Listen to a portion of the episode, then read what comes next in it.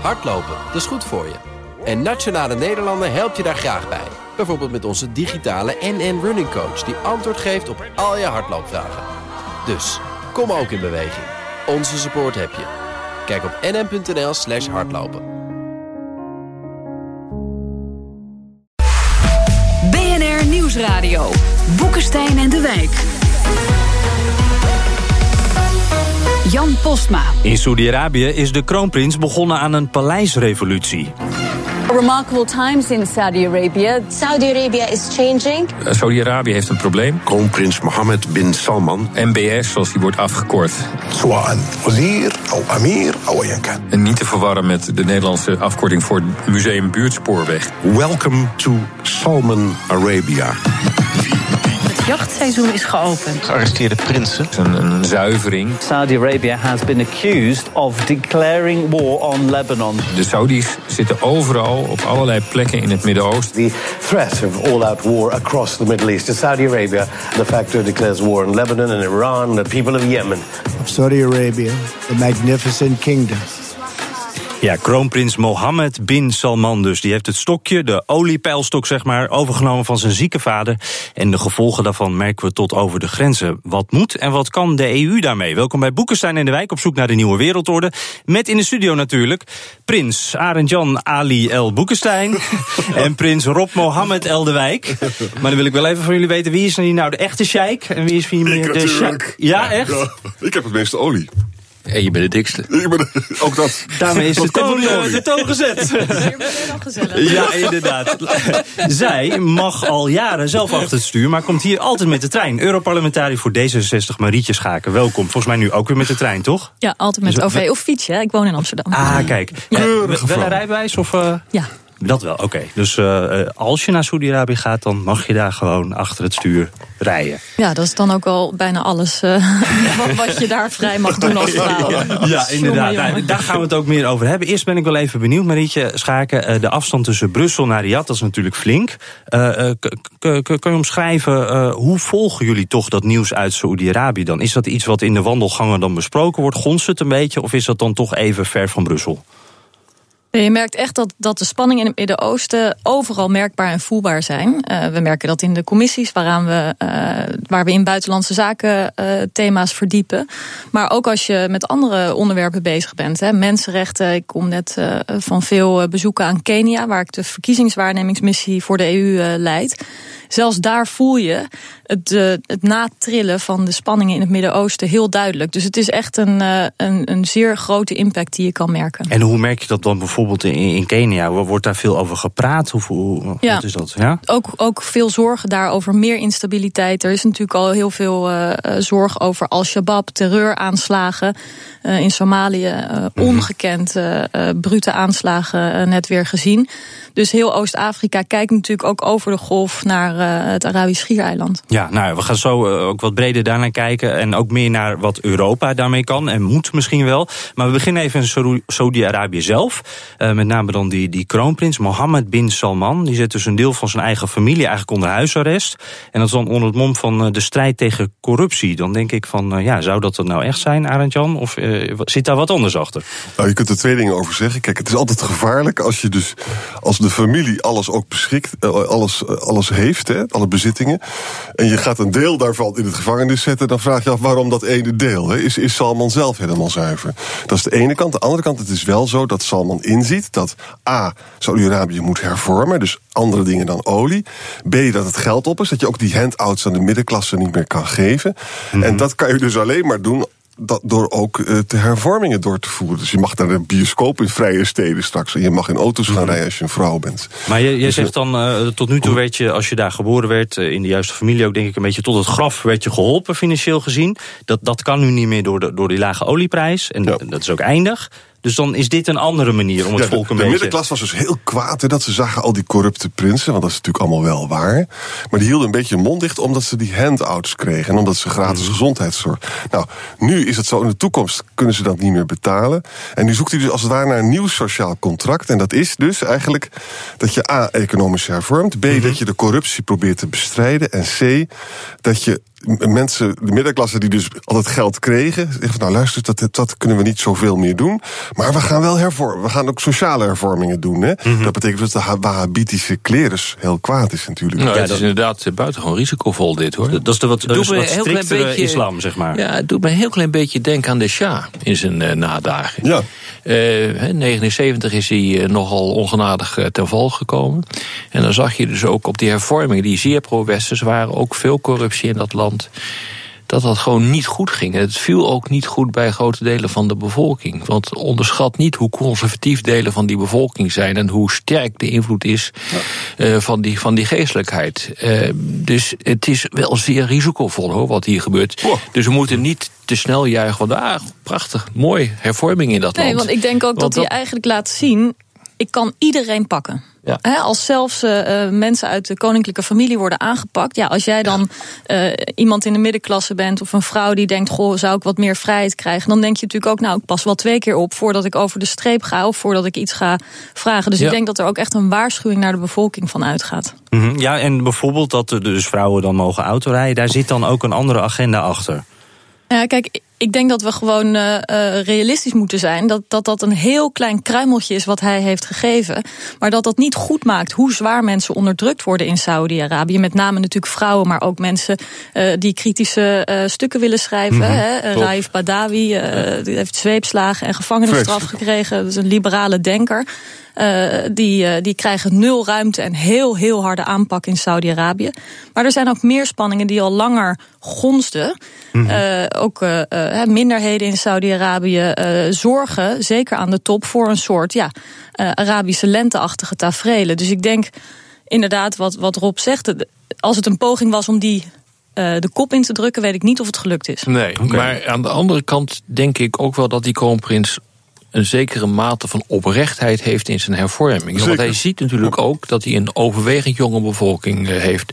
Mhm. Volgens mij is het, weet, je, weet jij dat? Volgens mij is het 70% is jonger dan 30 jaar of iets dergelijks. Ja, misschien nog wel jonger. Is meestal in het heel goed Midden-Oosten kunnen. En, 25 eh, of dus zo. dat is echt gigantisch, eh, gigantisch jong. En hij weet dus ook dat het ondoenlijk is om die bevolking op deze manier gewoon te paaien. Dat, dat, dat, dat gaat niet. Hij kan ze niet blijven onderdrukken. Dus hij moet wat doen. Bovendien is hij zelf, wat is hij, 32. Hij weet ook dat hij dat land moet hervormen omdat, het, eh, omdat die olieinkomsten die zijn eindig. Hij heeft een enorm 500 miljard dollar kostend project eh, gestart om een gigantische megastad te ja. bouwen. eh, die eh, gebaseerd is op alternatieve energie, high-tech en op een hele andere manier de economische lees moet gaan schroeien van, eh van Saoedi-Arabië. Dus hij is denk ik wel oprecht bezig om dat land te hervormen. Maar dat heeft enorme risico's. Ja, en hij is ook heel uh, roekzichtloos en risicovol in het buitenlands beleid. Absoluut. Dus als er nou Het is zoveel gewoon moet amateur, gebeuren... hoor. in het- Je mag het ook zo zeggen. Het is gewoon echt puur amateurisme. hij wat er speelt met vuur. En als Ja, je dan absoluut. binnenland zoveel te hervormen hebt... is het natuurlijk levensgevaarlijk om Ja. dan overal om je heen te gaan slaan... en te gaan roeren in toch al hele explosieve conflicten. Absoluut. Dus ik weet nog niet zo of het nou oprecht en doordacht is. Ik, ik kan het moeilijk zien aan zijn daden. Maar laten we dat internationale eerst eventjes eh, op een rijtje zetten. Want we, we- nou, er spelen heel veel ja, proxyoorlogen, heel veel dreigingen eh, binnen dat gebied. Maar eerst even een heel kort rondje. Moet ik me daar nou zorgen om maken? Gaan we daarna verder de, de, de details ervan wel bespreken. Maar Arendtjan, maak jij je dan zorgen Nou, in de zeker. regio? Kijk, als, je, als je op het punt van die buitenlandse politiek doorgaat, hè? Wat Ik wij was dus- eigenlijk alleen op zoek even naar ja, nee. Maar dan mag je Ja. zo, eh, Rob, Oh. is dat een ja, nee? dit is wel zorgen? zorgwekkend. Ja, want het, Ja. het- het- het leidt alleen maar tot Ja. nieuwe onzekerheid in de hele golfregio. Ja, en je, Zeker. eh, meneer Ja. Schaken, ja? Midden-Oosten is eigenlijk altijd zorgwekkend. Dus dan met hebben dit we- soort escalaties Ja, eh, nog zijn we dan in ieder geval allemaal over. En we drie keer ja. Nee, maar dat we even het belang van het onderwerp hebben vastgesteld. En dan kom ik weer eventjes eh, bij jou, Arend Jan. Want jij wilde dat dan ook e- even toelichten. Ja, heel kort, maar gewoon voor, de lees, voor onze luisteraar in Zaltbommel. Die voer ik altijd op. Onze enige le- Wat- ja. luisteraar in Ja. Zaltbommel, ja. Wat heeft de MBS, hè, Mohammed bin Salman, nu gedaan? Hij Mhm. heeft dus in Jemen een hopeloos oorlog. Dat is een soort Vietnam-toestand geworden. Die kan hij niet winnen. Duizenden doden. En het gekke is, het is nog steeds... Hij is heel populair bij de millennials. Dus je struikelt over de millennials in Saudi-Arabië. Maar het is een toestand. Niet gelukt. De hele Qatar-toestand hebben we ook in dit programma behandeld. Is heeft niets opgelost. Boycott, diplomatiek boycott, maar de, de Qatarezen die zitten gewoon koeien te importeren. Die, die, die overleven wel. En bovendien de handel met Iran stijgt dan ook mislukt. Nu wordt er gesproken over dat hij misschien in Lib Libanon wat gaat doen. Er zijn zelfs de Saoedische burgers teruggeroepen uit Libanon. Hè? Nou, wat, wat zou je nou in Libanon kunnen doen? Het is een totaal wespennest. Wil je daar gaan bombarderen? Onzin. Oké, nou la- laat ik eventjes, eh, want hier heb je inderdaad mee geschetst. Er spelen heel veel dingen tegelijk. Het klinkt voor mij ook chaotisch eigenlijk. Rob, ja, maar zo chaotisch is het niet. Het is Nou, bijna allemaal anti-Iraans. Ja. Eh, Dat is de rode lijn. Ja, eh, dus eh, wat je ziet is dat de rebellen, zoals die dan worden genoemd in Jemen, die worden gesteund, gesteund door Iran.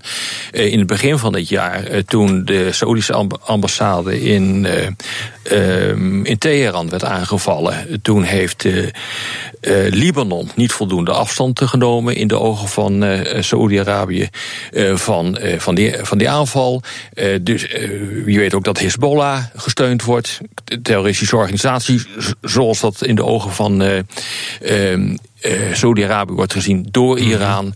En de hele problematiek van Qatar heeft ook te maken met Iran. Dus wat er door, eigenlijk doorheen speelt, is een machtsconflict tussen Saoedi-Arabië en Iran. En dat is ook vrij logisch, want dat zijn twee van de drie zeer belangrijke spelers in dat deel van de wereld. Turkije is de andere, maar die heeft zichzelf buitens, eh, buitenspel eh, gemanoeuvreerd, omdat ze te veel bezig zijn met de Koerden en binnenlandse problemen.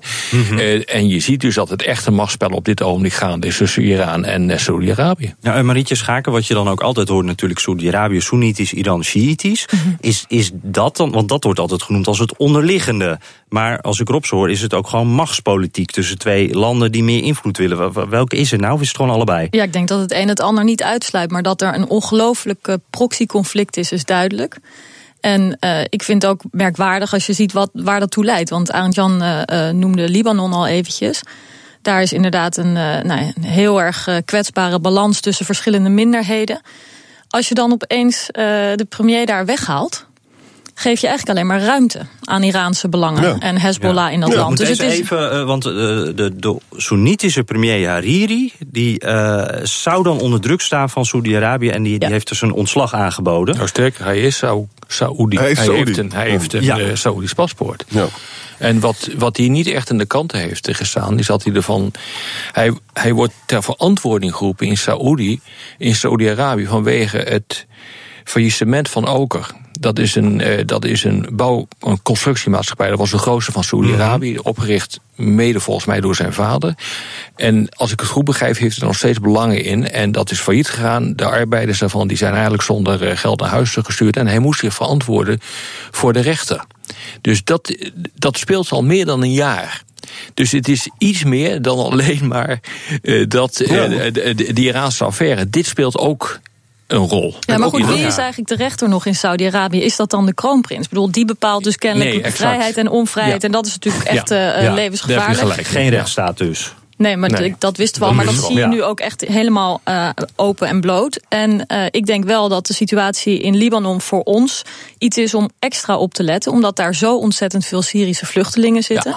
En als Libanon eh, nou ja, minder stabiel wordt, en dat is al heel lang een hele, hele dunne lijn, dan gaan we daar ongelooflijk veel last van krijgen. Dan eh, kan er weer meer spanning met Israël komen, dan kunnen er weer meer vluchtelingen ook uit de regio, hè, waar iedereen ze zo, zo graag eh, zou willen opvangen, onze kant op komen. En nou, ik denk dat het Midden-Oosten al kwetsbaar en explosief genoeg is. Mhm. En dat we dit soort conflicten er niet bij kunnen hebben. En op wat voor manier wordt dat dan eh, in Brussel besproken? Wo- Wordt daar ook op geanticipeerd bijvoorbeeld? Wat als het misgaat?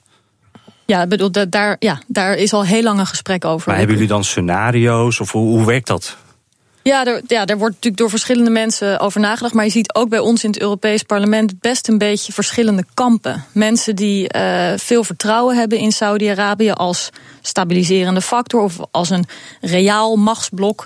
Mensen die kritisch zijn op de Islamitische Republiek Iran. Anderen die zeggen, nou, het is juist goed dat we wat meer gelijkmatig met beide eh, omgaan. Dat we als Europese Unie het voortouw hebben genomen in een diplomatieke oplossing voor het nucleaire vraagstuk.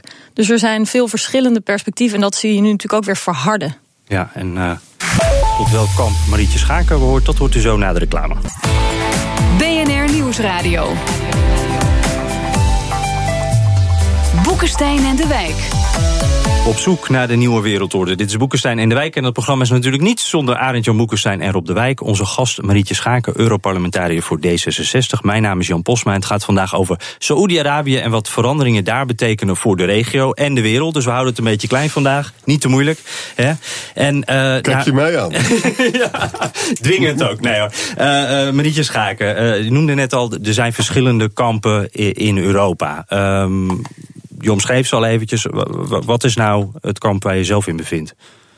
Nou, hopelijk uh, kan ik dat uh, per, per geval bekijken. Maar ik ben voorstander van de diplomatieke oplossing voor het nucleaire vraagstuk uh, van Iran. Mm -hmm. Dus de zogenaamde nucleaire deal. Maar ik vind dat de Europese Unie nu te weinig aandacht heeft voor de rol die Iran in de regio speelt. En eigenlijk wordt dat aangewakkerd door Trump. Want Trump die uh, zet de hele tijd vraagtekens bij die nucleaire deal. En daardoor verhardt eigenlijk de Europese Unie. Gaat het opeens weer over die deal die eigenlijk al gesloten is. Ja, maar gaat, Iran, of uh, gaat Europa een beetje mee dus in Trump dan? Nee, je ziet eigenlijk als je het heel, heel, heel plat zou slaan. Maar dat is alleen even voor het voorbeeld.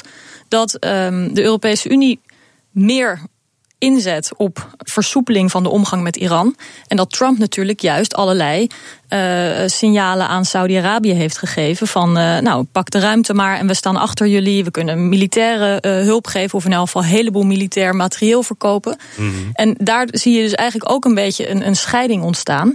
En ik denk dat dat dat het niet goed is, tenzij het inzet voor diplomatieke initiatieven. Natuurlijk kan de Europese Unie de contacten die de hoge vertegenwoordiger voor het buitenlandbeleid heeft, wel degelijk inzetten om eens te kijken of die spanningen niet alleen maar uitgevochten hoeven Mhm. worden door het hele Midden-Oosten, maar dat er een keer gesproken Maar kan we moeten ook niet vergeten dat dus die nucleaire deal ook oorzaak is Ja. van de huidige problemen. Dat wordt ook vaak vergeten. Ja, daar werd al voor gewaarschuwd. Ja, daar is absoluut voor gewaarschuwd. Want wat is er aan de hand? Die nu, eh, voor die nucleaire deal werd Iran gewoon in de hand gehouden, onderdrukt, feitelijk door sancties. Ze konden geen kant op. Op het moment dat je zo'n deal hebt en je laat Iran toetreden tot de internationale gemeenschap, dan kan die zijn vleugels verder uitslaan en dan kan het land zich verder ontwikkelen. En wordt er dus een machtsfactor van betekenis en een grotere bedreiging van Saudi-Arabië. En dat is precies wat er op dit ogenblik gebeurt. Dus al dat gedoe op dit ogenblik en die oorlogen en al, dat, uh, uh, al die conflicten die op dit ogenblik, laten we zeggen, worden geantameerd door Saudi-Arabië, zijn ook het gevolg van de nucleaire deal. Uh, die, Jawel, maar één kanttekening dat, dat natuurlijk Hezbollah en de revolutionaire Zeker. garde in Iran al ver voor die nucleaire deal zijn tentakels in allerlei landen had zitten. Ja, dus het is niet ook, zo. Nee, exact. Maar dit is ook de angst dat dit dus nu alleen maar verder gaat. Ja, Nee, en, wat, en wat er nog bij komt, is gewoon de facto feitelijk heeft Iran natuurlijk in Irak gewonnen. Hè? En feitelijk ook in Syrië, de uitkomst van Syrië, dat Assad dus gewoon blijft, is natuurlijk voor, voor uh, Iran ook heel goed. Ja, samen met En- Rusland, eh, en by in- the way. En in, in, in, in Libanon is het zo dat Hezbollah is, is ook een politieke partij, hebben ze ook een, en die is nogal sterk geworden. Hè? Maar, wa- maar wat je dus ziet, Arend Jan, nee, mee eens wat je zegt, is dus feitelijk hè, dat dus die Iran, Rusland, dat wordt daar sterker. Ja. En wij, ik ben heel benieuwd eh, eh, hoe, hoe de Europese Unie daar op dit ogenblik denkt, worden daar feitelijk opzij gemanoeuvreerd. Ja. Dat is natuurlijk het drama. Dat wij ook in Syrië geen bepalende rol hebben gespeeld. Dat er onderhandeld wordt door anderen. Terwijl de impact van de oorlog in Syrië. niet alleen voor Syriërs. maar ook voor de Europese Unie. een van de meest ontwrichtende evenementen van de afgelopen decennia is Ja. geweest. Dus het is wat mij betreft absurd. dat de Europese Unie daar niet een veel sterkere Wat rol hadden ze speelt. moeten doen dan? Eerder diplomatieke initiatieven eh, ondernemen. Ja, Maar wat had je nog kunnen doen? eh, Kunnen doen? Misschien helemaal in het begin. Helemaal in het begin. Er is niemand naar, naar Assad toegegaan. Maar er is ook niet wezenlijk gedreigd met gevolgen van, van eh, verschrikkelijke misdaden tegen menselijkheden. Ik bedoel, er is, er is een beetje eh, gelachen over Obama en zijn red line. Ik heb vanuit de Europese Unie nul gevolgen Maar zijn gezien. wij hier niet gewoon het slachtoffer geworden van onze eigen retoriek en ideologie? Dat je niet met dictators moet praten? En waren we niet ontzettend blij in die tijd dat, eh, nou ja, ik niet hoor, maar door de bank genomen als ik zag wat de discussies waren, zowel in de politiek als daarbuiten, dat het eindelijk de goede kant op ging Nou, in Syrië? Sy- En zijn we daar gewoon niet in onze eigen val getrapt? Nou, ik, ik denk dat het een beetje eh, zwart-wit is om het zo te zien. Eh, ik denk dat er met ontzettend veel. eh, dat er door ontzettend veel mensen vergist is in hoe lang Assad het vol zou houden. En dat kan je een grote inschattingsfout noemen. Maar ik denk dat een heleboel landen, de Verenigde Maar toen Staten, was je al te laat. Dus, als je dus inderdaad dit had willen, willen tackelen, dit hele probleem, had je echt in de eerste weken van die opstand Ja. had je daar naartoe moeten gaan. Maar ik herinner me die tijd nog wel. En toen werd er gezegd, nou, we zijn wel blij wat hier gebeurt. Dit is prima, want Assad die zal gaan eh, verdwijnen. En dit is een dictator en dan moet je geen zaken meer doen. Ik eh, herinner me nog Halber Zijlstra die op een gegeven ogenblik riep van... we moeten wel zaken doen met dictators. Had hij natuurlijk helemaal gelijk in. Maar dat mocht niet gezegd worden in die tijd. Zijn we gewoon niet nogmaals in onze eigen valkuil gestapt. Nou, ik denk dat de grotere valkuil is dat de Europese Unie, zeker hè, vijf, zes jaar geleden, nog minder dan vandaag, geen eenduidig buitenlands beleid heeft, te weinig middelen heeft Mhm. als gemeenschappelijke defensiemacht. Je hebt vetorecht van lidstaten, dus als één land niet mee wil, heb je dus geen gemeenschappelijk Syrië-standpunt. Tot op de dag van vandaag niet. Mhm. Mede door bijvoorbeeld de Italianen. Dus het is ontzettend moeilijk om dan je. je Jawel, maar een Syrië-standpunt, met alle respect, brengt geen einde aan een oorlog. laten nou, we het helpt wel als je met z'n allen gezamenlijk kan optreden. Ja, laten we even teruggaan naar, naar eh, Saudi-Arabië eh, en ook naar de toekomst. Arend Jan, als we dit, dit soort dingen in de toekomst nou willen voorkomen, wat moeten we dan doen?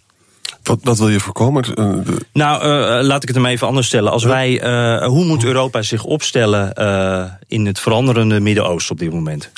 Nou kijk, je kunt een aantal dingen daarover zeggen. Ik zal het tot één beperken. Van, ik, die oorlog in Jemen is dus echt gewoon verschrikkelijk. Hè?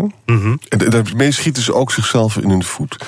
Eh, Obama heeft op een gegeven moment besloten van... ik lever een bepaald type wapens niet meer... want het is gewoon vreselijk wat daar gebeurt. Die, die wet heeft Trump ongedaan gemaakt. Hè? Nou, we weten allemaal dat Frankrijk, Duitsland en Engeland ongelooflijk veel leveren aan Saudi-Arabië. Nederland ook wel wat, maar niets betrekkelijk onschuldig spul en ook voor veel, veel minder geld. Hè. Ik zou, je zou bijvoorbeeld kunnen proberen in Europa, de kans dat je, dat je succes hebt is klein, maar de, de, de moraal heb je wel aan je kant. Moeten we nou werkelijk doorgaan om geld te geven aan, of wapens te leveren aan een land dat er zo'n ongelofelijke puin op maakt? Het probleem is, dan moet dat Iran is natuurlijk ook een slechte kracht in de regio. En Iran die krijgt eh, wapens van, van Rusland. En ook, Dus je wil wel een evenwicht, Dan moet je dan altijd naar die balans blijven Ja, kijken. maar weet je, ik vind eerlijk gezegd, Jan, dat deze vraag altijd te laat wordt gesteld. Het is Nu eigenlijk het, de- ja, nee, het debatje is. eh, er is net al een debatje over Syrië. Je had moeten ingrijpen in de eerste weken nadat het daar eh, fout ging. En dat hebben we niet gedaan. Dat is een feit. Eh, Jemen, vrezen wat daar gebeurt, maar het is gewoon te laat. Ik zie niet goed in hoe je op dit ogenblik druk op Saudi-Arabië kunt uitoefenen om dit eh, te stoppen. Dat is waar. Wat je wel kunt doen op dit ogenblik is Libanon. En dat heeft bijvoorbeeld Macron gedaan. Eh, die, heeft daar, eh, die heeft daar geïnterveneerd, diplomatiek, politiek gezien. Ik denk dat dat verstandig is. Hier kan de Europese Unie, of voor part de lidstaten, de afzonderlijke lidstaten van de Europese Unie, echt een punt maken van. Dit accepteren wij niet. Wij willen dat dit land eh, eh, stabiel blijft. Zo niet, dan nemen we maatregelen. Want er gaat ongelooflijk veel geld naar dat eh, land toe. Dus je hebt ook middelen om hier wat te doen. Ja, nee, dat, dat vind ik een goede suggestie. Maar ik wil nog even terug naar het grote conflict Iran-Saudi-Arabië. Omdat ik wel denk dat je daar veel gelijker mee moet omgaan. Dat je wel een wapenembargo tegen Saudi-Arabië moet instellen. Daar hebben wij in het Europees Parlement al meerdere keren voor gestemd. Dus dat zegt ook iets over dat er wel een meerderheid voor te vinden kan zijn. Afhankelijk van hoe die lidstaten, die natuurlijk heel veel exporteren, daarmee omgaan. Maar ik vind het eh, eh, Dan nog doe je steeds. dat trouwens, eh, Marietje, dan doe je dat via Amerika en China hoor. Ik bedoel, problemen opgelost en van mijn part via Rusland. Saudi-Arabië dat- vindt zijn wapens wel, Ja, bedoel je? natuurlijk. Ja. natuurlijk. Dat zijn symbolische maatregelen. Maar, maar Dat, je moet toch iets, Rob, anders dan... eh, Nou, ik weet niet of het zo symbolisch is. Is het niet heel erg aangekomen als signaal dat Trump inderdaad de maatregelen van Obama heeft teruggedraaid, daar naartoe is gegaan en allerlei groots eh, vertoon heeft laten zien van het is allemaal wel in orde, magnificent kingdom, eh, wat hij allemaal wel niet zegt. Nee, maar ik denk dus wel dat die signalen worden gehoord. Ik denk wel dat je principieel moet zijn. Het zijn en dat neemt signalen, niet weg dat de- ze naar Rusland of China gaan kijken, maar dat gebeurt vandaag de dag ook al. Ja, maar het zijn signalen. Maar de vraag is of het bij een signaal blijft of dat het echt wat gaat veranderen in een land. Als je echt iets wil veranderen in een land, dan moet je echt volledige druk ergens op kunnen uitoefenen. En dat doe je niet met een wapenembargo. Dat is, heeft historisch gezien nog nooit geleid, eh, ge- gewerkt. Dan wil ik toch ook nog eventjes eh, het Libanon-punt wat Arend Jan net maakte. Is dat dan wel een optie? Zeker een optie. Zeker Ja. een optie. En, en ik denk dat je ook daarbij weer moet kijken hoe je als Europese Unie de banden met eh, Iran kunt inzetten daarvoor. Want het is belangrijk om Saudi-Arabië te wijzen op verantwoordelijkheid en grenzen die niet overschreden kunnen worden. Maar laten we niet vergeten hoezeer Iran ook onrust stookt en met Hezbollah Absoluut. daar ook een hele grote verantwoordelijkheid heeft. Nou goed, laten we daarmee afsluiten dan. Dit was Boekenstein in de Wijk. Namens Arend Jan Boekenstein en Rob de Wijk zeg ik dank voor het luisteren. Een speciale dank aan Marietje Schaken. Uh, heb je nou nog een vraag voor de heren? Dan kan je ons altijd even tweeten. En krijg je geen genoeg van dit programma, abonneer je dan op de podcast. helemaal gratis. En laat ook even een recensie achter in iTunes. Ik heb wel slecht nieuws, we hebben er een paar bij. Uh, zonder boodschap deze keer, maar wel twee keer twee sterren van de vijf. Dus dat is nog niet zo goed, heren. We moeten Hmm, weer even aan de bak. wat aan doen. Goed. Um, dus. dus ik wou zeggen, wil je meer of minder Arend Jan of Rob aan het woord? Laat ons dat dan even weten, dan doen we daar wat aan. het is weer weekend. Rob en Arend Jan trekken zich ook even terug. Maar waar naartoe eigenlijk? The Magnificent Kingdom. Tot volgende week. Hardlopen, dat is goed voor je. En Nationale Nederlanden helpt je daar graag bij. Bijvoorbeeld met onze digitale NN Running Coach... die antwoord geeft op al je hardloopvragen. Dus, kom ook in beweging. Onze support heb je. Kijk op nn.nl slash hardlopen.